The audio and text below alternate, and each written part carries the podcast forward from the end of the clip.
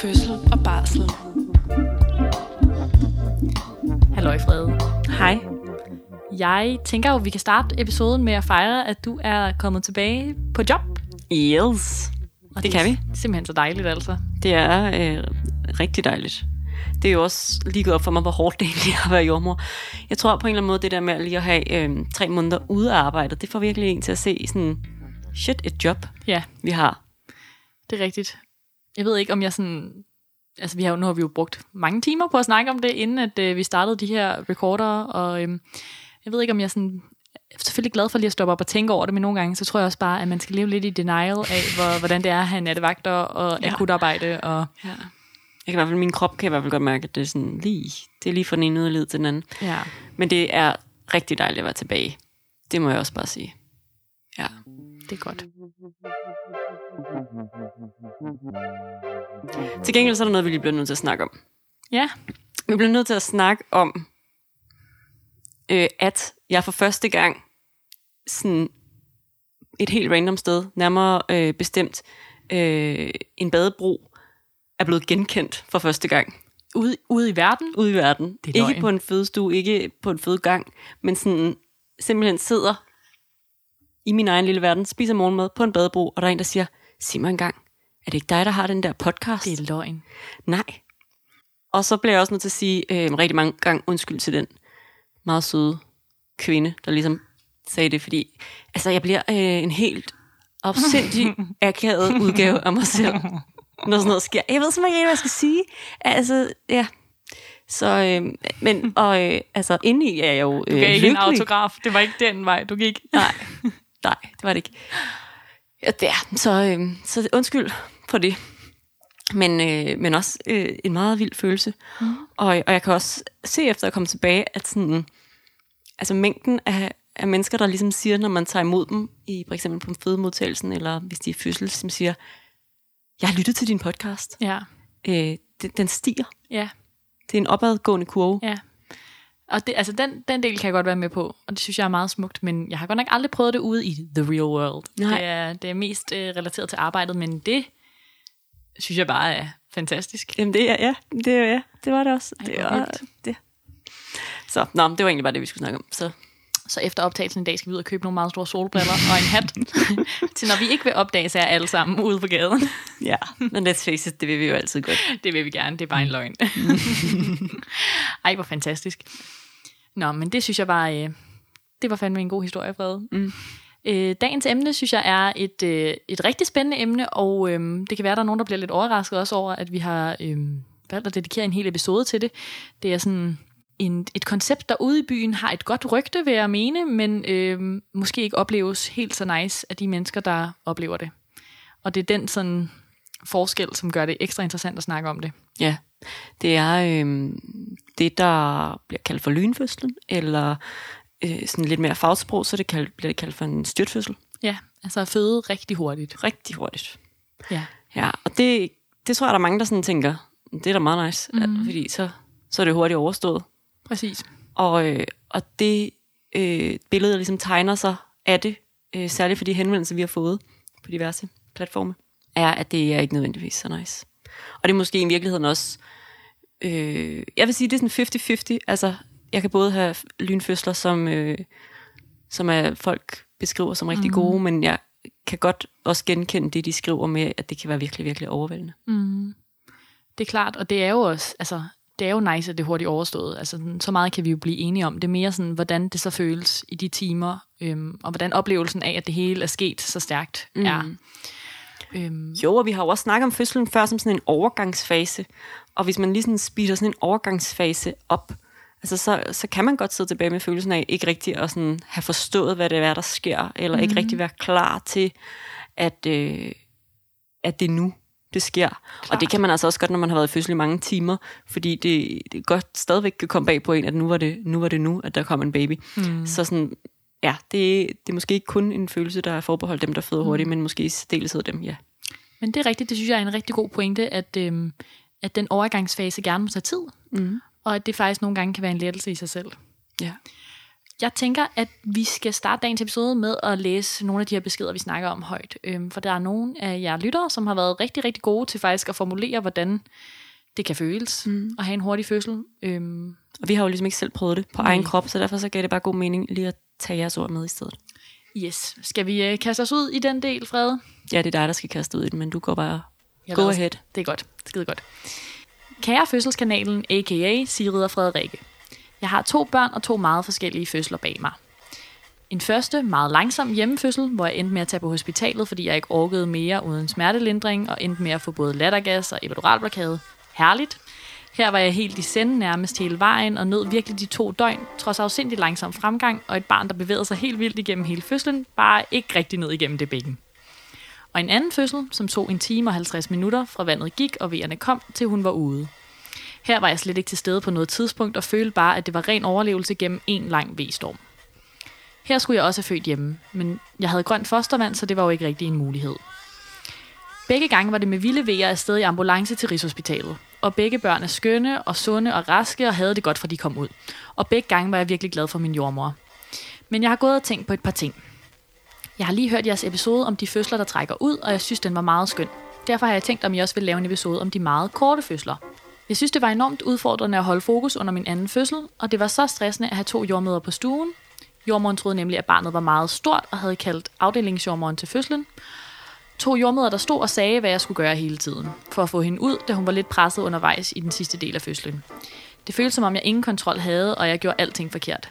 Jeg vil sådan ønske mig, at jeg inden fødslen havde tænkt igennem, at min fødsel kunne ende med at gå så stærkt, og havde tænkt over, at jeg kunne have instrueret min partner eller jordmoren i at tage mig i deres hænder og se mig ind i øjnene og sige, det er okay, du gør det godt. Det går lige ret hurtigt, men du skal bare trække vejret og være med her. Eller noget i den stil. Noget hjælp til at bare blive i øjeblikket. Min krop panikkede simpelthen sådan, at jeg slet ikke var med mentalt. Så for mig er en lang fødsel nok at foretrække. Jeg synes, I er så gode til at give gode idéer til, hvordan man kan tænke på og forberede sig på sin fødsel, og hvordan man kan kommunikere med jordmoren og med sin partner, så jeg tænkte, at I måske kunne lave et afsnit om de hurtige fødsler. Og det er vi jo så i gang med nu. ja. Så det er jo på den måde alt sammen rigtig godt. Ej, jeg synes, det, jeg synes, det er så spot on, øhm, hendes beskrivelse af det, fordi måske særligt, øh, når man har haft en meget lang fødsel den ene gang, så, så kommer det som regel endnu mere bag på en, mm. øh, at man så kan føde så hurtigt anden gang, fordi man ligesom har, har sådan en idé om, når jeg er nok en af dem, hvor det tager noget tid. Og så, øh, så giver det god mening, at man ikke rigtig øh, tænker øh, i de baner, der er. Øh, måske skal jeg så have en lynfødsel denne her gang, som hun ellers sådan lidt udtrykker et ønske om, at hun havde, mm. havde tænkt. Øhm, og, øh, og det er jo det er jo simpelthen, jeg plejer at sige til dem, der føder rigtig hurtigt, at det er lidt ligesom bare sådan at komprimere den mængde af sådan vejer og smerte, mm. som man ellers øh, har fordelt ud over et længere forløb. Mm. Øh, og, det, og det føles bare nogle gange virkelig, virkelig voldsomt. Mm. Øhm, og den der følelse af, at man sådan ligesom, ens krop går i panik, fordi at, at man kan slet ikke nå at være med. Altså, så, så, så det, øh, det tror jeg, at øh, der er mange andre end hende, der har haft oplevelsen mm. af, og, øh, og det tænker jeg, at det er noget af det, vi skal snakke om i dag. Sådan, hvad, hvad kan man så gøre, hvis Klart. man ender i det? Og jeg synes også, Scenarie. at ja, det er en fed besked, fordi hun sætter de to fødsler op. Hun fortæller ligesom om første og anden, og hvis man bare lige sådan så et kort referat af de to fødsler, så tror jeg, at der er mange, som vil tænke, at, øhm, at det må have været hårdt at være i fødsel i to døgn, og planen om at skulle føde hjemme, og så blive overflyttet til hospitalet på grund af behov for smertelindring, at, at så må man virkelig sådan have været et sted, hvor man ikke regnede med, at man skulle være, og, og når hun ligesom får formuleret det på den måde, som hun gør, så lyder det jo i virkeligheden meget federe at have lang tid og have en fornemmelse af, hvad det er, der sker i ens krop, selvom det går i snegletempo, end den omvendte fødsel, som måske på papiret lyder meget fed, mm. at føde lynhurtigt, men hvor hun så mister al kontrol på en eller anden måde. Ikke? Ja, og det der med, hvis man bare stiller det op sådan to døgn versus, hvad siger hun, en time og 50 minutter, Ja. der kan man godt forstå, hvis man kunne være forfalden til at tænke sådan, "Jamen, det, det lyder da meget Mhm. mm. snabt og, og hurtigt overstået, sådan lidt ligesom at hive, hive øh, plasteret af. ja. Øhm, På Men jeg- en time og 50 minutter. en time og 50 minutter. Men jeg Men tænker, jeg forstår, hvad du mener. jeg tænker da helt klart, at den der følelse af at være med, Ja. øh, er det, som også gør, at, øh, at nogle gange kan det være federe, at det tager lidt tid, end at det går rigtig, rigtig hurtigt. Og det er jo sådan, tid er jo sådan et sjovt koncept inde i, i fødeverden, at, at måske er det ikke den eneste faktor, man skal kigge på på en eller anden måde. Og, øh, og i rigtig mange fødsler, så skal man jo have tålmodighed, og, og det er okay, mm. så længe der ligesom sker et eller andet. Der kan sagtens være en god stemning, der kan sagtens være en rigtig god fødselsoplevelse, selvom at det tager lang tid. Mm. Det er nemlig bare to, to vidt forskellige ting. Ja. Og det er måske det, man bliver nødt til sådan at, at forholde sig til, at det at føde ved en lang fødsel, eller en fødsel, der trækker ud, det er tålmodigheden, der kommer mm. på prøve, det er overskuddet, altså det, at man bliver sådan fysisk udmattet, træt, mm. og, og øh, det er noget helt andet, der er på spil, når det er en hurtig fødsel, fordi det bare meget mere handler om, at man, altså, at man ikke kan følge med, eller ikke mentalt øh, forstår, hvad det er, der sker lige pludselig, når det går så stærkt. Ja. Vi har jo også en anden besked. Det har vi nemlig, og øhm, det er jo lidt af det samme, og samtidig også en ret anderledes historie faktisk. Mm-hmm. Så øhm, jeg tænker, at vi bare læser den højt også, og så øhm, kan I høre, høre lidt om det. Vi tager lige hele introen her, fordi det er en, det er en god besked. Kære jer, tusind tak for en vild spændende podcast. Lækkert. Skide godt. Jeg har siden min fødsel lappet hver afsnit i mig, og taget mig selv i forgæves at tjekke efter nye afsnit. Jeg ved ikke, hvordan man gør, og om jeg overhovedet har tid eller lyst til at hjælpe mig. Men sagen er den, at min fødsel spørger i mig, og jeg faktisk kan få det helt skidt fysisk, når jeg tænker meget, for meget over, hvordan det var. Jeg har derfor nogle ting, som jeg virkelig godt kunne tænke mig at høre jeres råd eller mening om. Jeg blev sat i gang med Angusta, og da jeg havde taget fem Angusta-piller, synes jeg, at jeg mærkede en ændring, hvad jeg følte som meget milde menstruationssmerter. Jeg ringede ind til fødemodtagelsen for at få vejledning i forhold til, om jeg skulle fortsætte med at tage pillerne, og de ville gerne have, at jeg kom ind forbi dem og fik lavet en CTG. Den var normal, og jeg fik at vide, at det var tabletvejer, jeg mærkede, og jeg derfor skulle fortsætte med Angusta og blev sendt hjem. Nogle timer efter var de milde vejer helt forsvundet. Jeg nåede at tage to piller mere, det vil sige syv i alt, hvorefter jeg fik sivende vandafgang. Og herefter begyndte vejerne virkelig at komme. Vi ringede til fødemodtagelsen igen, som man jo skal, når man får Angusta, og skulle komme ind til tjek en gang til. Halvanden time efter vandafgang blev jeg tjekket. Der havde jeg hyppige kontraktioner af et minuts varighed og var 3 cm åben. Jeg kom herefter på fødestue og forsøgte smertedækket med lattergas, og det fungerede slet ikke, da jeg smed vasken frem og under vejerne. Jeg havde en oplevelse af, at vejerne nærmest kom lige efter hinanden, og jeg aldrig rigtig fik en pause, hvor jeg kunne sunde mig eller gøre mig klar til næste V. Der er dog aldrig blevet brugt ordet V-storm, selvom jeg umiddelbart tænker, at det må være det, jeg havde. Jeg forsvandt ind i mig selv, en følelse af, at jeg mentalt forlod rummet, mistede al kontrol og vred mig i sengen af smerte. Jeg ville sådan ønske, at min jordmor havde kaldt mig til virkeligheden, taget mig i hænderne, kigget mig i øjnene og trukket vejret med mig. Været i det hele sammen med mig. Min jordmor sagde, at hun ville gå ud og udskrive et armbånd til mig og indstille mig til en epiduralblokade, da hun kunne se, at jeg havde mange smerter. Da hun kom retur med armbåndet og ville tjekke mig indvendigt, var jeg blevet 9 cm åben. Tre timer efter vandafgang og V-start. Og jeg fik derfor beskeden, du får ikke en epidural, men en baby i stedet for. Det var godt nyt, for nu var smertehelvedet snart over. Så fra vandafgang med V-start til min søn var ude, gik der 4 timer og 10 minutter. Min søn havde brug for CPAP efter fødslen, og min mor- moderkage ville ikke løsne sig i starten, men det lykkedes efter 45 minutter. Bortset fra de to ting, så gik det hele jo som smurt, og udefra virker det helt perfekt og ukompliceret. Alligevel får jeg kvalme og en knude i halsen, når jeg i dag et halvt år efter fødslen tænker på episoden. Det føles samtidig forkert. Der er jo så mange andre kvinder, som har en masse komplikationer under fødslen, og har nogle vildt grimme oplevelser med akutte operationer, kæmpe blodtab, vejer i flere døgn og slemme bristninger. Jeg har sådan tænkt på, om jeg må blive overstimuleret med angusta, eller om jeg bare er en af de kvinder, som føder meget hurtigt. Der er lang tid til, at vi ønsker barn nummer to, men den fødsel fylder allerede for mig.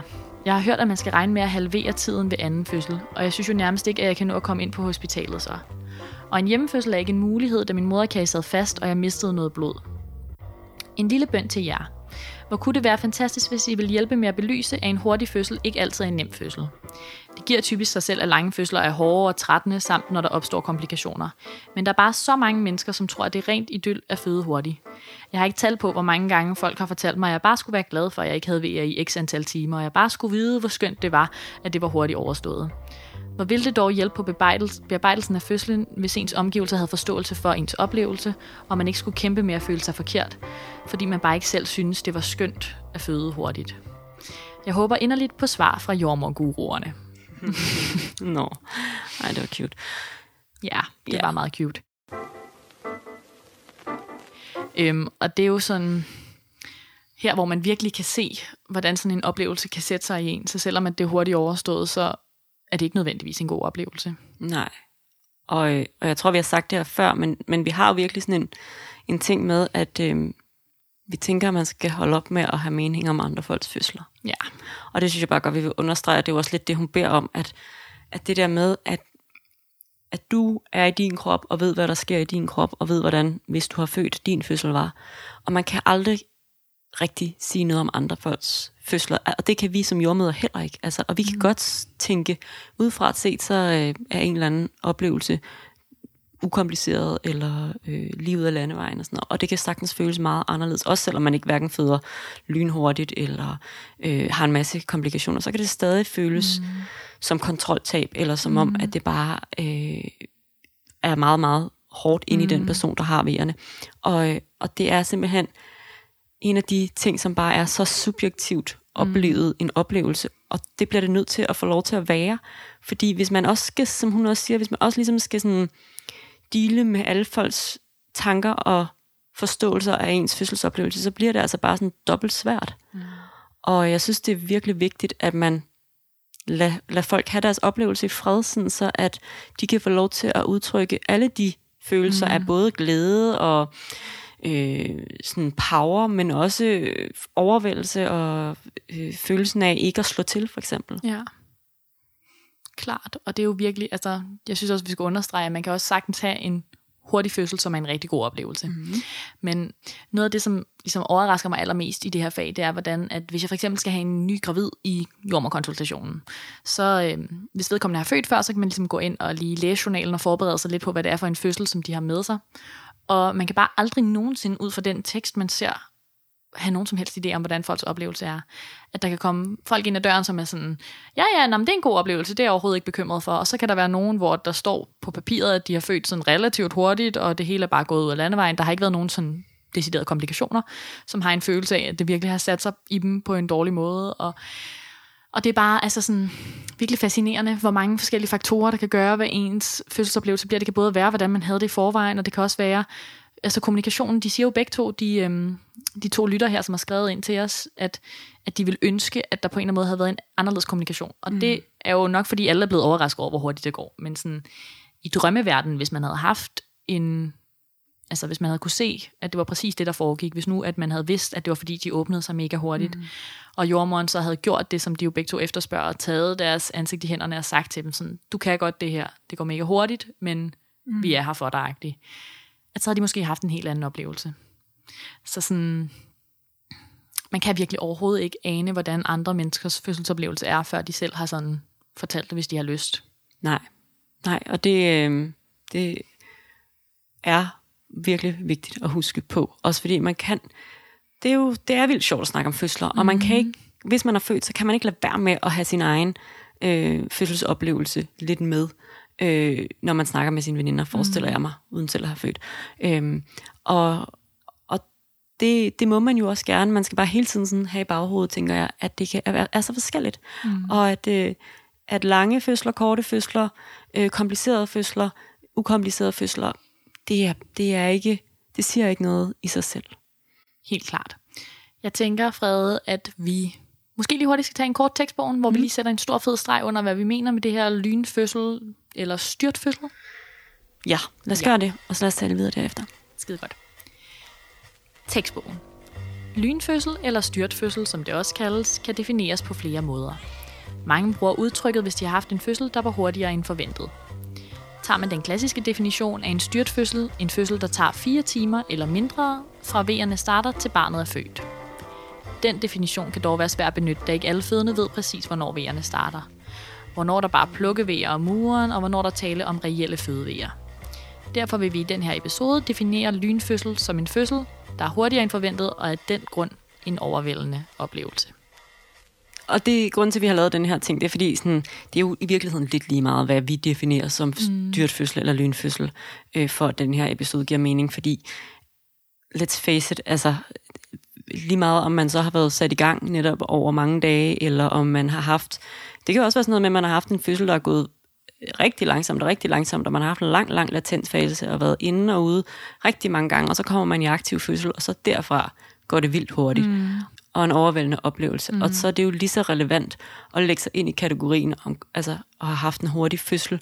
Øh, måske ikke på papiret, men, men i hvert fald den sådan levede oplevelse af det. Ja, også hvis man kigger på de to beskeder, vi har fået, så den ene var jo ingen vejer, og så med vandafgang og vejer gik der en time og 50 minutter, og den anden er ligesom en igangsættelse med noget muren og mm. noget indspillen fra hospitalets side, der ligesom giver noget medicin for at, at stimulere osv., og, og så lige pludselig går det hurtigt. Ja.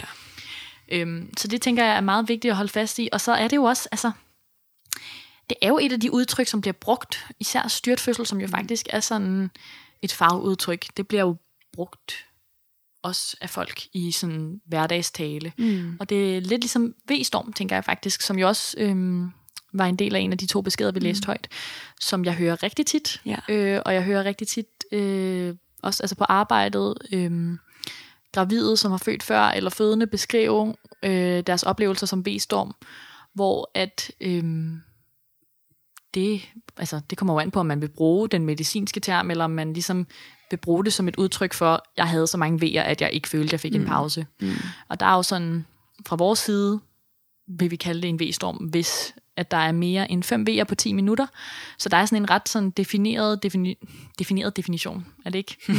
der er en ret sådan afgrænset definition af, ja. at det er præcis det, som vi ligesom kalder en V-storm, og der vil vi altid gøre et eller andet for at prøve at se, om vi kan mindske V'erne, altså faktisk give noget V-hæmmende. Ja, det vil øhm. sige, man har sjældent, øh, der er nogen, der, hvis man, jeg oplever nogle gange, at folk siger sådan, jeg havde V-storm i to timer, mm. og det igen, sådan, så begynder, kommer vi ind på sådan noget, hvis det er sådan, det føles i dig, ja. jamen, så, lad os, så lad os bruge det udtryk, fordi ja. det på en eller anden måde mm, beskriver jo en følelse, og det, det synes jeg giver fin mening. Mm. Øhm, men det er det, når man så snakker fagperson over for ikke-fagperson, mm. at vores, altså vi vil altid behandle det inden for måske 10 minutter et kvarter. Mm. Øh, man kan godt lige vælge at se an, det vil sige, hvis man har 6 B'er på 10 minutter, kan man godt se, hvad, hvad siger de de næste 10 minutter, men hvis der ligesom bliver ved med at være den samme mængde vejer, så giver man simpelthen noget medicin for det. Øhm, så, så det er bare sådan, det er bare forskellen mm. øh, på, hvad vi tænker om V-storm, og hvad I nogle gange tænker om V-storm. Præcis. Dermed ikke sagt, at, at øh, følelsen ikke er lige så valid, mm. og, øh, og netop når man føder rigtig hurtigt, så er V'erne så kraftige, at selvom man måske har nogle pauser, så når man simpelthen ikke op til overfladen, hvis man kan forestille sig øh, det, før den næste V skyller ind over en. Øh, og det i sig selv føles tit som at have V-storm, og som noget så overvældende, at man ikke rigtig sådan ved, hvor man skal placere sig selv hen ja. i det. Klart. Så på den måde, så vil vi bare i dag gerne anerkende, at man godt kan have en rigtig hurtig fødsel, og føle, at det er overvældende, at det er gået så hurtigt, og har været så voldsomt, som det nu engang er, når det går hurtigt. Mm. Og jeg tænker, at vi kan dykke lidt ned i sådan, hvorfor er det, at det ikke nødvendigvis er en god oplevelse? Og hvis vi ligesom sådan, vi skal jo starte et eller andet sted. Mm. Jeg tænker, at vi måske kan sige, inden man skal føde, der er jo faktisk nogen, der allerede frygter det her, inden man skal føde. Ja. Den her episode kan jo både være til folk, der har oplevet det, som tænker, at det kunne være rart lige at høre lidt snak om det, men det kan også være, hvis man ligesom går og frygter, at det var noget, der kunne ske for en. Ja. Og i den forbindelse, så tror jeg, at, sådan, øh, at hvis man for eksempel har haft nogen, der er født hurtigt, så er det og man er gravid selvfølgelig, så er det tit sådan nogle ting, det er sådan nogle fortællinger, sådan nogle øh, historier, som jo sætter sig i de mennesker, man har omkring sig. Så det vil sige, hvis man har, hvis man er rigtig gode venner med en, der har haft en lynfødsel, så kan man ikke lade være med også måske at være bekymret for det, især hvis mm. oplevelsen så heller ikke har været positiv. Mm. Øhm, så sådan noget er jo sådan noget, der sætter sig. Så derfor kan man jo sagtens ikke have født og stadig være bekymret for det, selvom at det er de færreste førstegangsfødende, som oplever. Mm. Dermed ikke sagt, at det ikke er nogen, der oplever det, for det er der selvfølgelig. Der er nogen, der der oplever øh, enten en, en lynfødsel i øh, den klassiske forstand, eller bare det med at opleve fødslen som mm. være gået meget hurtigere, end man havde forestillet sig. Ja, altså, jeg vil også sige, sådan, hvis vi skal vende tilbage til vores dejlige Hollywood øh, billede, som vi mm. jo også har lavet en hel episode om, så prøver mange medier jo at fortælle os, at man øh, skal skynde sig så meget, man overhovedet kan, mm. fra man mærker første V eller for vandafgang. Fordi at øh, man skal nærmest med en ambulance ind på hospitalet for at nå at føde. Og det øh, det er der jo faktisk ret mange, der forestiller sig, at sådan som en fødsel forløber, mm. hvis ikke man har født før. Øhm, så i virkeligheden er der jo faktisk en del. Jeg vil ikke sige, at de så nødvendigvis øh, frygter, at det skulle være mere intenst og hårdt at føde hurtigt, men de frygter måske ikke at kunne nå ind på hospitalet og så videre. Ikke? Ja. Som jo også er et element af lynfødsler, må man sige, at, øh, at hvis man skal have en lynfødsel eller en styrtfødsel, så er det jo nok for de fleste at foretrække, at dem, som man skal have med til fødslen nærmest, er klar fra første øjeblik. Fordi det er jo også en bekymring i sig selv, hvis man føder hjemme, at jordmoren ikke når ud, eller hvis man skal føde på et hospital, at man ikke når ind på hospitalet. Ja. Og øhm, det synes jeg tit er noget, jeg snakker med faktisk både førstegangsfødende om i graviditeten, hvis det er en frygt, de har, og der kan man så snakke lidt om, sådan, hvor kommer den idé fra? Kommer det fra, ja, som du siger, sådan en veninde, man har, eller kommer det fra en film, du har set, eller sådan, øh, og så snakke lidt om, hvad vi oplever, at det faktisk er rigtig, rigtig, rigtig sjældent, at det sker, så måske det er ikke der, man skal lægge sin energi. Mm. Øh, men så er der jo også dem, som har født hurtigt før, og mm. det kan jo både være på den måde, som vi beskriver her, Øhm, det kan også være, hvis man bare har født sådan gennemsnitsligt, men måske har det taget 12 timer, og man tænker, okay, hvis det går hurtigere, hvornår skal jeg så tage afsted? Altså, man ligesom på en eller anden måde kan have en bekymring for, at man ikke helt øh, ja, har styr på logistikken, eller hvad man siger. Ja. Ja, og der, der tænker jeg i hvert fald tit, og det, det snakker jeg også med dem, jeg har er gravide i min konsultation, at det her med, at, sådan, at hvis man for eksempel er førstegangsfødende, øh, for det første, ja, det er de færreste førstegangsfødende. For det andet, har man en, altså er man en af dem, der føder hurtigt, så, så bliver vejerne også så intense så hurtigt, at man godt er klar over, øh, jeg kan ikke bare vente de her timer, som øh, jordmøderne ellers prædiker så meget om, at jeg skal mm. blive derhjemme, gøre alle de her ting, fordi vejerne er simpelthen så intense, mm. så hurtigt i forløbet, øh, at man ikke kan holde ud at være i dem. Mm. Og derfor reagerer man med at ringe ind til hospitalet, og derfor kører man ind øh, og, og lander hos os mm. øh, i god tid.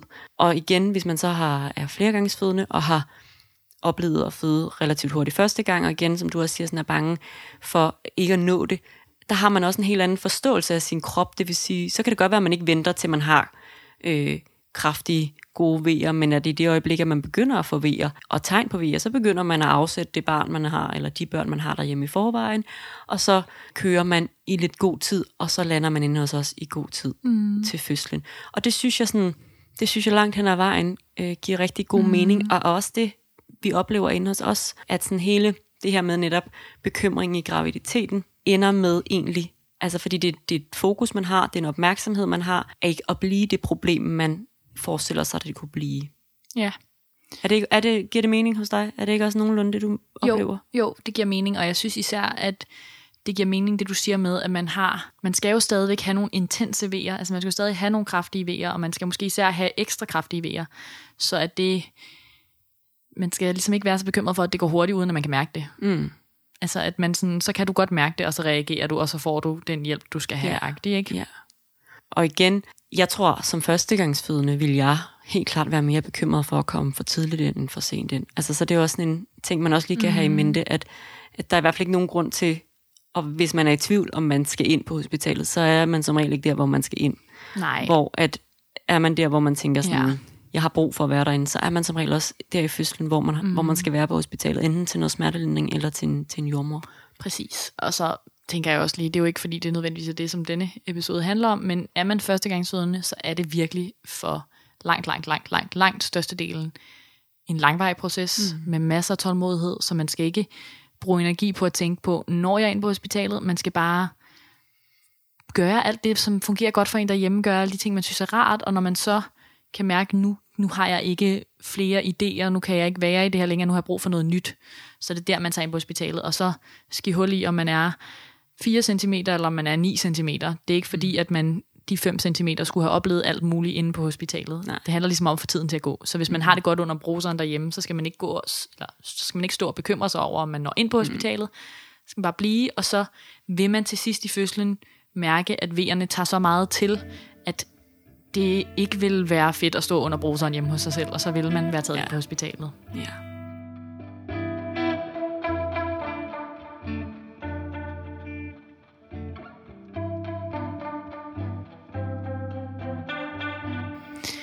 Men øhm. tilbage til de her sådan hurtige fødsler, yes. og den, den oplevelse, der så er, når man har dem. Øhm, fordi at så, så lander man jo inde hos os, og, og øhm, det sker med jævne mellemrum, og især øh, hos de flergangsfødende, at man måske kun er hos os i to timer, for så har man haft lidt, hvis vi siger, at vi har taget udgangspunkt i fire timers fødsel, øh, så har man måske haft øh, en time derhjemme, øh, hvor at vejerne er begyndt, og man har ringet ind til hospitalet, og man lige skal pakke de ting, man nu skal, og være klar til at gå ud af døren, og lidt transporttid ind, og det tager også, hvis man har mange vejer, så tager det altså også bare længere tid at gå fra. Øh, øh, der, hvor man har parkeret sin bil, og ind til øh, os. Og så kan det godt ende i, at man ja, kun har måske to timer, eller mindre end da, hos os. Og der sker jo rigtig meget på en gang. Øh, vi pakker ud, og vi gør klar. Og det tror jeg tit er det, der øh, gør, at det også opleves voldsomt, fordi vi ligesom fordi der er sådan et element af øh, sådan lidt fortravlethed, at man sådan skal have gjort en masse ting klar, samtidig med, at der er en, der har, har rigtig ondt. Og det, som de efterspørger, begge de to beskeder, i de to beskeder, vi har læst op, er jo det her med øh, at ligesom blive kaldt tilbage til virkeligheden. Mm. Og øh, det kan jo både være sådan en opfordring til de jordmøder, der skulle lytte med, selvom jeg tror, at de fleste både er bevidste om det her, og også i langt hen ad vejen gør det. Mm. Øh, men det her med ligesom at være derovre og, øh, og hjælpe den fødende med at være i V'erne. Mm. Øh, men igen også, ja, som den ene skriver, det kan godt være, at man skal forberede sin partner på, sådan, hvis jeg er helt ude i tårne, så er jeg simpelthen brug for, at du hiver fat i mig og kigger ja. mig i øjnene.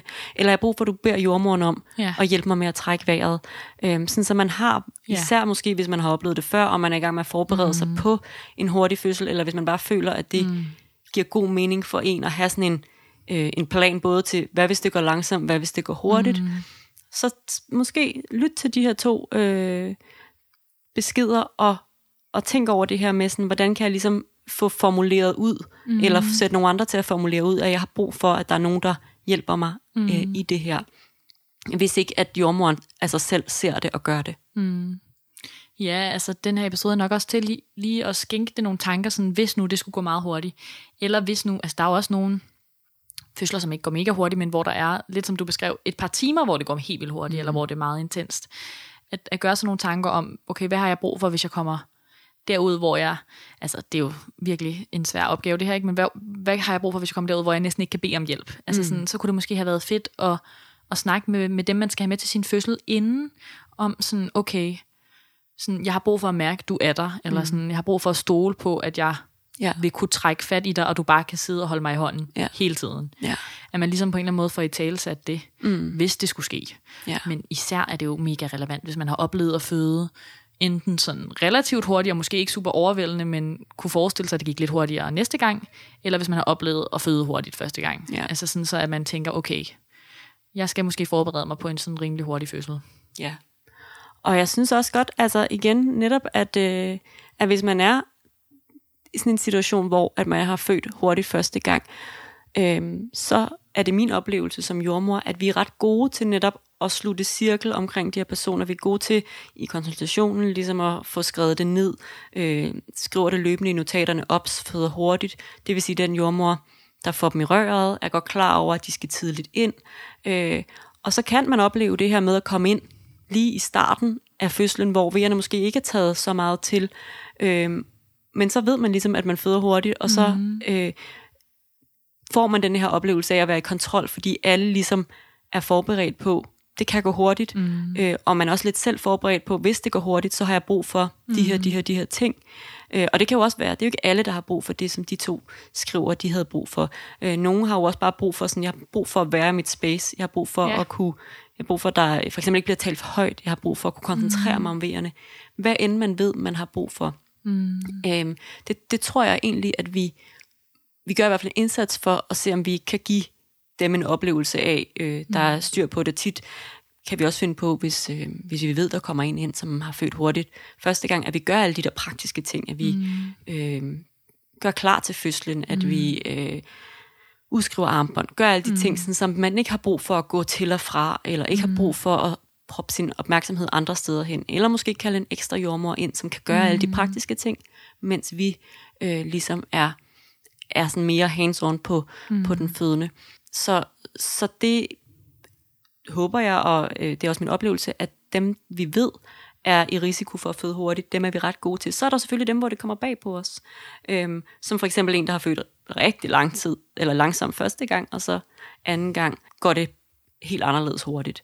Øhm, eller selvfølgelig de første gangsfødende, som også kommer bag på os. Mm. Øhm, og, og der gør vi jo vores bedste, men det er jo mm. rigtig godt, hvis man så er i sådan en situation, at man ligesom kan få sagt det er det her, der er mit mm. behov, eller at ens partner kan sige, jeg ved, at øh, øh, hun har det godt med mm. tæt kontakt, eller øh, jeg ved, at øh, det vil være rart, hvis du lige var der et eller andet. Klart.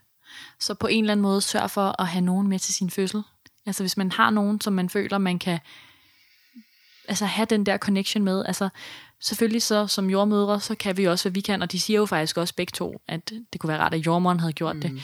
Men, men sørg for også, altså når man selv er gravid, og lige måske tænk over sådan, okay, har jeg nogen med til min fødsel, som virkelig kan sådan hjælpe mig, hvis jeg skulle komme i sådan lidt halv, panik faktisk, ikke? Ja. Og det er jo slet ikke sikkert, det bliver relevant, men sådan, gør sådan nogle tanker om, sådan, hvordan det, det kunne se ud. Altså, at der bare sad en ved siden af en, som holdt en i hånden, eller om der var en, der trak vejret med en, eller en, der sagde, nu, øh, nu kommer vejen, din livmor spænder op, den er stærk, nu mærker du, den topper, den tager stille og roligt af, du slapper mere og mere af, nu har du noget pause sådan en, der ligesom på en eller anden måde taler ind igennem det. Det er meget forskelligt, hvad man har brug for, og man kan jo seriøst heller ikke nødvendigvis vide det, før man føder.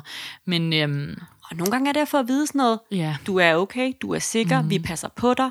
Øh, altså, nogle gange er det ja. jo de ting, som, som også kan føles sådan lidt, øh, især hvis man siger dem øh, mange gange i træk, kan føles sådan lidt sådan, som en selvfølgelighed. Mm. Men, men det, der jo sker, når en krop føder meget hurtigt og går i panik, det er jo, at den tror, øh, det er helt vildt farligt. Det kan ja. godt være, at man ikke sådan op i sit hoved nødvendigvis tænker, det er vildt farligt, men kroppen bliver så overvældet over, øh, at det er så voldsomt, det der sker, mm. at den tror, at den er i frygtelig fare. Så nogle gange har kroppen bare brug for, for at vide, du er ikke i fare. Ja. Vi har styr på dig. Vi passer ja. godt på dig. Øhm, og det, det er godt sådan nogle ting, sådan nogle mantraer, man kan ja. få øh, sin fødselshjælper eller sin partner til ligesom at repetere for en, ja. hvis man ligesom kommer derud. Og det er jo faktisk måske også godt, at vi sætter en stor fed streg under, at det ikke er farligt at føde hurtigt på den måde. Altså mm. sådan, så man på en eller anden måde kan huske det, hvis det sker for en. Ja. Og så vil der også være fødsler øh, en gang imellem, som, øh, som netop går så hurtigt, og at, hvor at man går i panik, og selvom at jordmoren sidder og siger, det har jeg i hvert fald oplevet et par gange, træk vejret, du kan godt, det, mm. det er fordi, det går rigtig hurtigt, øhm, der er, det er lige om lidt, så er det overstået, at, at man ikke nødvendigvis kan undgå den følelse af panik, øhm, men at man så jo igen, måske ud fra at have hørt det her afsnit, eller bare bevidstheden om, at, øh, at når det er så intens, så er det også fordi, det som regel går hurtigt, og derfor også er hurtigt over, øh, at så er det jo noget med sådan lidt ligesom sådan et rollercoaster ride, hvor man bare sådan hold fast og følg med, følg med vejerne, lad dem gøre deres arbejde, gør det så godt du kan, og så må vi prøve at samle op på det bagefter og snakke om, hvorfor det føles så voldsomt i dig, og øh, at det er fordi, det er gået virkelig, virkelig hurtigt. Ja, og det er jo lidt tilbage til igen det der med, at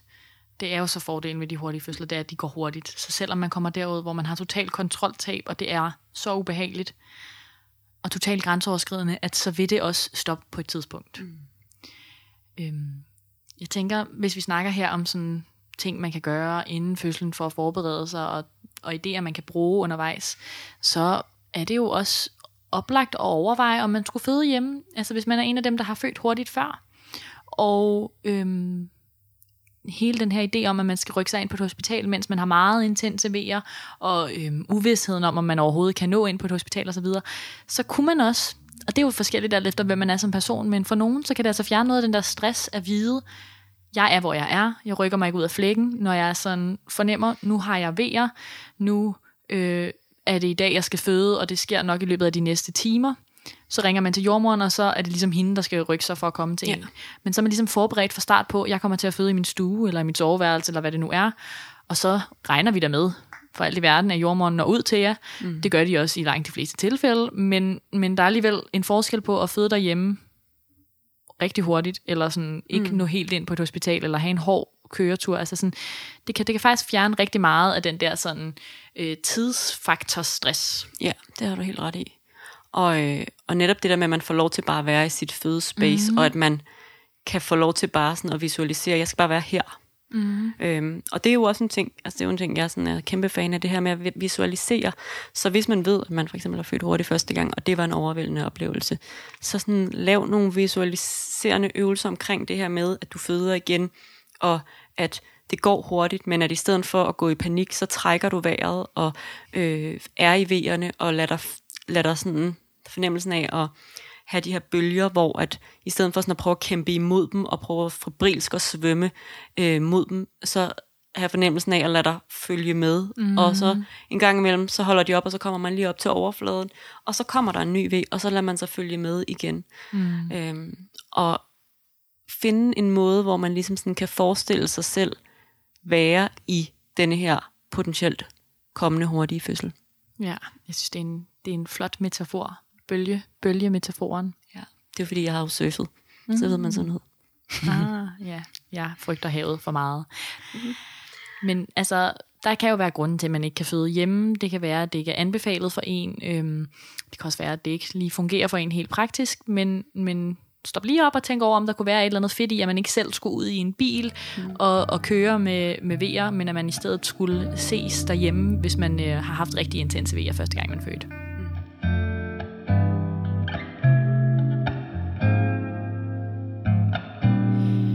Så er der jo også lidt af det her med, sådan, hvad der sker efter fødslen. Altså, hvordan er det, efter man har oplevet at føde meget, meget hurtigt. Øh, og der synes jeg virkelig, at øh, det handler rigtig meget om at lige få både samlet op, mens man stadig er sammen med den jordmor, man har født med, og snakke med den partner, man har haft med til sin fødsel. Altså ligesom stoppe op og tænke over sådan, okay, hvad var det lige, der skete? Hvordan kan vi på en eller anden måde allerede nu prøve at sådan få talt det lidt igennem, så jeg kan forstå, hvad det er, min krop har været igennem. Øhm, fordi det er jo nogle gange det, hvis man kaster sig ud i havet, som du siger, mm. af bølger, og bare lader sig svømme med, at meget information flyver fuldstændig over hovedet på en, mm. øhm, og der er nogle ting, man ikke kan forstå, udover man bare kan mærke, at ens krop arbejder helt vildt. Ja. Øhm, så måske allerede der prøve sådan lige at uh, få, mm. øh, få trådene ud og finde tilbage til sin krop og, ja. og roen. Så i forhold til, til de her børn, der bliver født ved hurtige fødsler. Mm. Så for det første, så, øh, når fødsler går meget hurtigt, så øh, er det jo ikke et barn, der på, altså, har været presset over en lang periode. Så det er altså meget også helt fine, gode, dejlige børn, der kommer ud af det. En gang imellem, så kan de dog blive sådan lidt chokeret, kan man vel sige, over at lige pludselig være blevet født. Øh, og det kan også være det, som, øh, som den ene af vores øh, beskeder ligesom henviser til, barnet skal have noget CPAP, øh, som er det her med at få sådan en lille smule modstand på vejrtrækningen efter fødslen. Og det kan godt nogle gange være fordi, det, at de bliver sådan lidt chokeret, øh, børnene, øh, over at de er blevet født, og at de skal, lige pludselig skal til at trække vejret. Men det er jo ikke det eneste, det er ikke, vi er ikke ude i, at de så har haft ildmangel, vi er simpelthen mm. bare ude i, at de skal i gang, og de lige skal lande i virkeligheden, mm. og, øh, og måske lige skal have sådan lidt ekstra knup øh, mm. på ryggen, eller mm. måske en lille smule modstand på den der vejrtrækning. Ja. Altså jeg vil sige sådan generelt er mit indtryk af, at hvis man føder hurtigt, så har børnene det også tit godt. Mm. Og så er der dem, som man lige skal sådan, som du siger, fortælle, at nu er du kommet, yeah. kommet ud i verden. Mm. Men øhm, jeg synes især, det er sådan en ret vigtig pointe at have med sig, hvis, nu kommer vi ind i et sådan lidt dangerous område, men hvis nu, at man skulle føde uplanlagt alene. Altså ja. enten derhjemme ikke nå afsted, eller ikke nå at få en jordmor hjem til sig, eller simpelthen på vejen til et hospital. Ja. Også fordi man kan sige, det er der jo få, men enkelte, der oplever. Ja. Og det sker, det må vi også, altså det skal vi også være helt ærlige at sige, at en gang imellem, så, øh, så sker det. Mm. Øh, det er sjældent dem, der er førstegangsfødende, og det er sjældent dem, der har øh, født hurtigt første gang, fordi at de ligesom er klar over det. Men det er nogle gange dem, der har født, hvor det tager lang tid første gang, og de tænker, det skal blive værre endnu. Mm. Jeg skal nok jeg skal nok være her endnu længere tid, og at de så kommer lidt for sent afsted. Og så må man også sige, hos os sker det måske lidt hyppigere, fordi vi har altså bare længere transporttid for de, øh, de fødende, end, end man for eksempel har herinde i hovedstadsområdet. Mm. Øh, så det der med, at når man har en time, måske endda fem kvarter mm. i bil ind til os, så er der jo bare en større risiko for, at man kommer til at blive mm. under bruseren en lille smule for længe. Ja. Øh, derhjemme, inden man sætter sig ud i bilen. Ja. Men igen, det er så få, og, øh, og hvis man er der, hvor man er kørt afsted hjemmefra, og man begynder at kunne øh, høre som partner for eksempel, eller fødselshjælper, at, øh, at den fødende øh, måske begynder at få pressetrang, øh, begynder at beskrive sådan en følelse af at, øh, at skulle på toilettet, øh, mm. så er det, at man griber telefonen, ringer ind til os, og så sender vi en ambulance ud. Så bliver, bliver man bedt om at køre ind til siden, og så sender vi en ambulance ud. Mm. Øh, og det er stadigvæk tit, at man så når ind til os, og så ender med at føde kort efter, man er kommet ind til os, og ellers så føder man jo så i en ambulance med nogle ambulanceredere, som, som også øh, er instrueret i, hvordan man ligesom øh, Klart. hjælper til til en fødsel. Præcis. Så øhm, den der pressetræng, nu siger du, hvis man kan høre, at der er pressetræng, ikke mm. også? Og det har vi jo lidt før prøvet at beskrive, men det er jo sådan, man, det, kommer til at lyde anderledes. Altså det, man kan nærmest høre, at der bliver presset med, at der ja. bliver trykket. Og øhm, hvis den fornemmelse ikke er der, det er jo også altså, som fødende for en selv. Hvis Ja. man ikke har en følelse af, nu skal jeg bare presse, så er der stadig tid. Ja, Og så skal man ligesom ikke være så bekymret. Men hvis den følelse først kommer, ja, altså som førstegangsfødende, så kan man godt have den følelse i flere timer, før man sådan rent faktisk øh, begynder at presse, men bare sådan en følelse af, okay, jeg føler lidt, jeg kunne presse og sådan noget. Mm. Så vil jeg ikke være sådan helt lige så alarmeret. Så tænker jeg stadig, at man godt kan køre afsted mm. mod hospitalet, men hvis man er sådan, nu skal jeg presse, mm. øhm, så vil jeg også holde ind til siden, altså ja. for, for alt i verden, og få en ambulance til at komme til jer, sådan, så I kan fokusere på ligesom at hjælpe hinanden. Og så kan man jo ringe ind til hospitalet og mm. øhm, sætte telefonen på højtaler. ja. Og så er det, vi med glæde giver vores lille jordmorservice over telefonen i stedet. Ikke? Så hjælper vi jo og siger sådan, prøver at guide jer igennem telefonen med, hvad Ja. man skal gøre, imens der er nogle ambulanceredder på vej ud til jer. Ja. Så kan man sige, at det vigtigste, når man får det her baby ud, så ja. Er det jo ind på maven, en bar mave, Klart. sådan så de kan holde varmen. Ja. Fordi det er egentlig det, der man skal være mest opmærksom på, det er, at de skal ikke blive kolde. De kommer derinde for det varme miljø og er helt våde, når de kommer ud. Så derfor så er det vigtigt øh, ind på noget bar hud, og så mm. noget, en jakke eller tæppe over. Præcis. Øh, og så, øh, ja.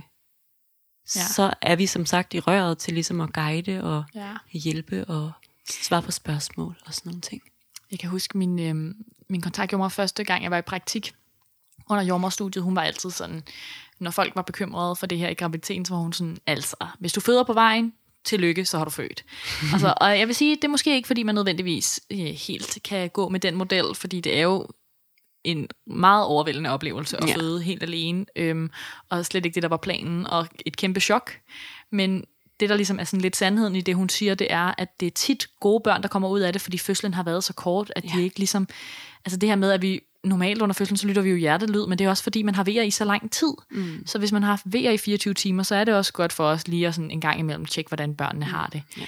Øhm, og, og det er ligesom ikke helt det samme behov for nødvendigvis. Og børnene, de, øhm, de kan måske være lidt chokeret, som du siger, men så opdager de også, at de er blevet født. Men det kan være, der går lidt længere tid, før de sådan ligesom får, får skrevet igennem og fortalt, at nu er jeg kommet. Ikke? Så sådan, de plejer jo at være rimelig sådan ukompliceret på den måde, de fødsler. Ja.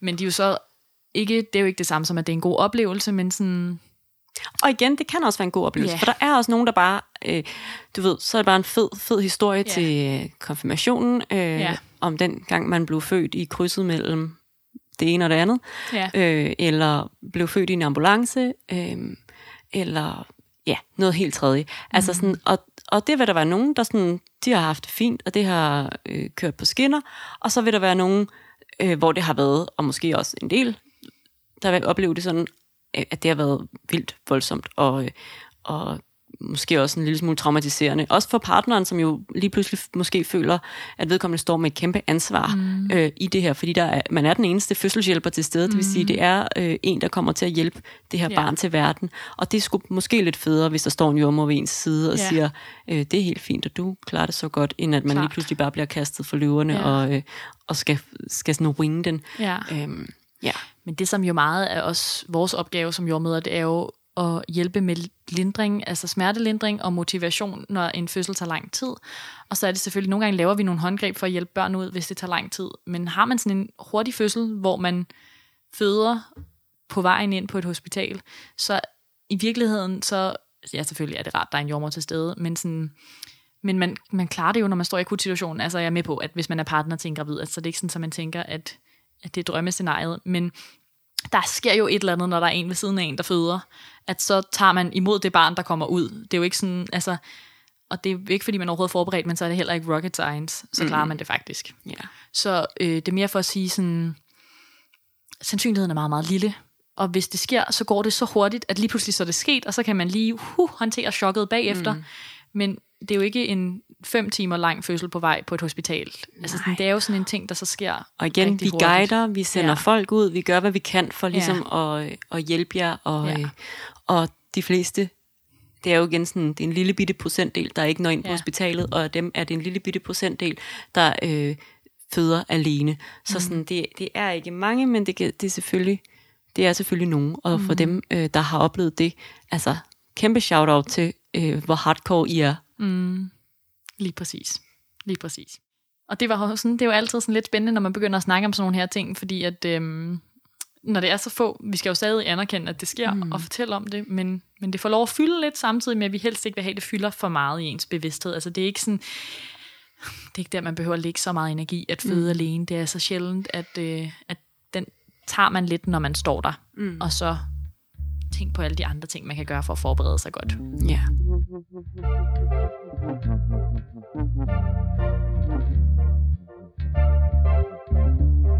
Oh Ja. well. Oh well, oh well, oh well.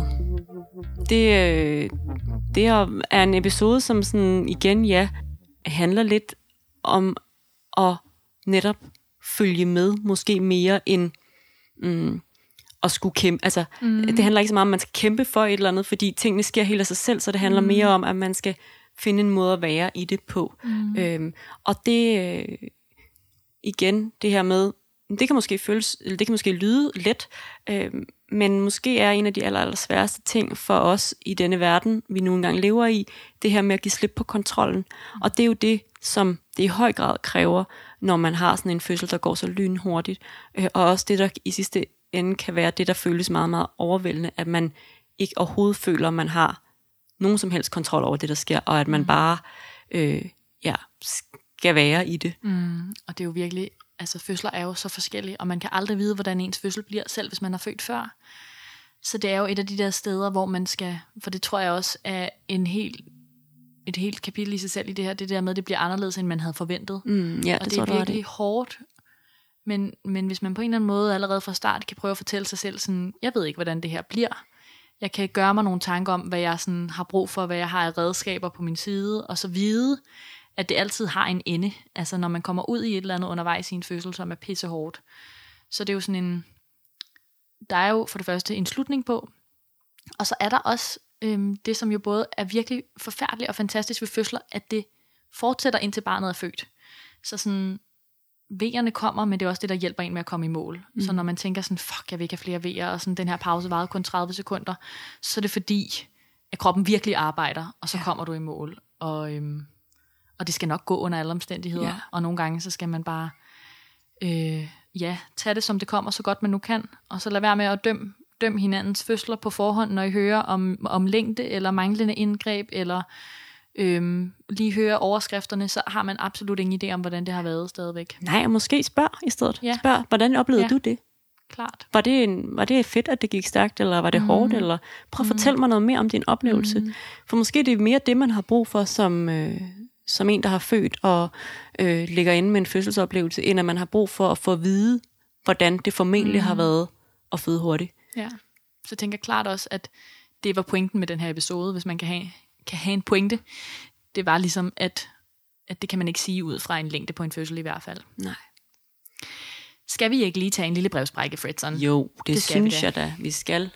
Og ja, vi har taget et super relevant spørgsmål i dagens brevsprække, som jo er totalt i tråd med alt andet, som lyder således. Har I oplevet, at der var større søskende med til fødslen, fordi det gik så stærkt? Har du oplevet det? Yes. Det er også. Men jeg ved egentlig Det er ikke, ikke så ofte til gengæld. Nej, og jeg kan også mærke nu, hvor jeg siger ja, at jeg er lidt i tvivl om, om altså jeg tror, det er en blanding af, at det gik stærkt, og øh, at der måske heller ikke helt var lagt en strategi for, Ja. hvordan de her børn skulle passes. Ja. Øhm, så jeg har oplevet det med folk, der ikke har kunne få fat i nogen, eller som ikke helt har vidst, hvad de skulle gøre, og lige taget ind til et tjek, og så har det faktisk været fordi, at den fødende har været langt i fødsel, og så har man født. Hmm. Øhm, Jeg har oplevet øh, en gang, hvor det gik øh, ja, stærkt, og øh, at de så ligesom ikke havde andre muligheder end at tage barnet med ind, og så ringede de så på vejen til en onkel eller et eller andet, mm. som kom ind og var på hospitalet mm. øh, sammen med barnet. Nice. Øhm, så, så barnet var ikke med på, på, fødestuen, mm. øh, men var bare i afdelingen. Og så, så altså, der er vi sådan rimelig... Øh, vi er rimelig gearet til lidt af hvert, mm. os jordmøder, så vi er også gearet til lige at hjælpe lidt til med, at det er selvfølgelig ikke det, vi sådan, det er ikke det, vi er der for, og det er ikke det, man skal sådan regne med at kunne, men, men vi jeg har... elsker, du trækker lidt i land samtidig, for ikke at give indtryk af en børnepasningsordning her. Ja, lige præcis. Også fordi sådan, at der er der, der er der mange ting, vi, vi også kunne stå og lave, øh, som gjorde, at det, det ikke sådan lige var ideen om også at skulle øh, passe et barn, der var Ja. sådan det fedeste, men, men igen, sådan, vi har jo også forståelse for de der situationer, så vi, vi, vi fikser det. Ja. Vi finder en løsning. Altså jeg vil sige, man ved jo godt i rimelig god tid, at man skal føde på et tidspunkt. Læg en plan A, B og måske også en plan C. Eller også, altså bare en virkelig god plan A. Det Ja. skal jeg ikke kunne sige, om det eksisterer. Øh, og hvis man så på en eller anden måde, ens telefon er brændt sammen, og ens kærestes telefon er brændt sammen, og der sker et eller andet, der gør, at det slet ikke kan lade sig gøre, så er det jo, vi tager den. Altså så, Ja. så er det ikke sådan, at man tager sit barn med ind, og så nægter vi adgang til det her barn. Men altså, det, jeg synes, man kan godt have, altså man kan godt have sine større børn med til fødslen, hvis det er noget, der er planlagt. Ja. Men jeg, det skal jeg jo ikke bestemme, men jeg synes, at jeg vil gerne vil opfordre til, at man så har lagt noget arbejde i at forberede dem, Ja. og at der skal være en god tanke med det, og det skal ikke være øhm, bare fordi. Fordi det er altså lidt overvældende at se øh, ens øh, forældre under Ja. i sådan en presset situation. Øh, det kommer selvfølgelig også an på, hvor gammel man er, altså, men jeg regner med, når man har skrevet det her spørgsmål til os, at det nok har været rimelig små børn, fordi at den, det 15-årige barn behøver man jo ikke at tage med. Nej. Det kunne man jo også bare efterlade. Så det er jo sådan lidt børn, der kræver pasning, ikke? Mm. Ja, så det, øh, så vi har oplevet det, og en Ja. gang imellem sker det, men jeg synes, de fleste, altså det er igen det her med, de fleste øh, er, jo, er jo lidt på forkant med tingene Mhm. generelt i fødsler, så det, det er sjældent, at man står der, hvor det, sådan, det, det ikke kan lade sig gøre. Det er tit, at man så sådan, Ja. netop i det øjeblik, at vejerne begynder at komme ja. Så småt, eller man begynder at have sådan en, altså tit så, for, før der kommer vejr overhovedet, så har man måske sådan, sådan noget murende mm. fornemmelse, hvor man er sådan, det kan godt være, at jeg lige skal ringe til mine forældre, som er Ja. dem, der skal passe børnene, og sige, at der er noget under opsejling. Ja. Og så har de som regel lyst til, fordi de er også spændte ja. På lige at køre ud. Og så kan det godt være, at, øh, at de sidder og drikker en kop kaffe, og det hele går i sig selv igen, og så kører de hjem igen. Ja. Øh, og det kan også være, at de siger, ah, nu er vi her, skal vi ikke lige blive sovet og se, om det udvikler sig, og så kan det være, at der to timer senere kommer vi. Ja. eller et eller andet. Altså, det, der, er jo, der er jo også nogle forvarsler, før der overhovedet er vejer, eller før vandet skulle gå, mm. eller sådan, øh, som man har mulighed for at reagere på, mm. og som man har mulighed for sådan, ja, at lægge strategier ud fra. Ja, og worst case, så får man jo altså hentet sit barn, eller afleveret det et sted, og så henter man det igen, fordi at, at så var det ikke der, man skulle føde alligevel, og det er da lidt irriterende, men, men måske hellere det, end at man står i en situation, hvor man lige pludselig ikke har tid Ja. til at, at få planlagt det. Ikke? Mm. Men altså, det sker once in a while. Det er ikke nødvendigvis jordens undergang, men det er altså rimelig sjældent. Hvis man har en god pasningsplan, så skal det nok, så skal det nok gå. Ja. Øhm, og så skal vi også som altid lige reklamere for, at man jo meget gerne må støtte os på den Ja. ene eller på den anden måde. Tjek vores highlight omkring, det hedder støtte os, omkring hvordan man kan støtte os, og øh, send rigtig gerne nogle penge. Mm. Enten kan man støtte os øh, ved at gå ind på øh, tier.dk og ligesom oprette øh, sig som sådan en fast støtter Mm. øh, og give et valgfrit beløb per episode, vi udgiver. Og ellers så kan man sende et indgangsbeløb, eller mm. man kan også sende flere indgangsbeløb mm. til vores øh, MobilePay box, som hedder 9118 DM. Ja. Og vi er simpelthen bare glade for alt, hvad der kommer vores vej. Øhm, mm. Vi vil jo rigtig gerne lave rigtig meget mere fødselskanalen til jer, og, øh, og for det ligesom bliver på sigt af vores plan, at det skal blive et bæredygtigt projekt, øh, så har vi brug for jeres hjælp. Så hvis man har overskud i økonomien, så, øh, så gør endelig det. Er man en af dem, som ikke har så meget overskud i økonomien, så skal man selvfølgelig bare stadigvæk blive ved med at lytte med til os.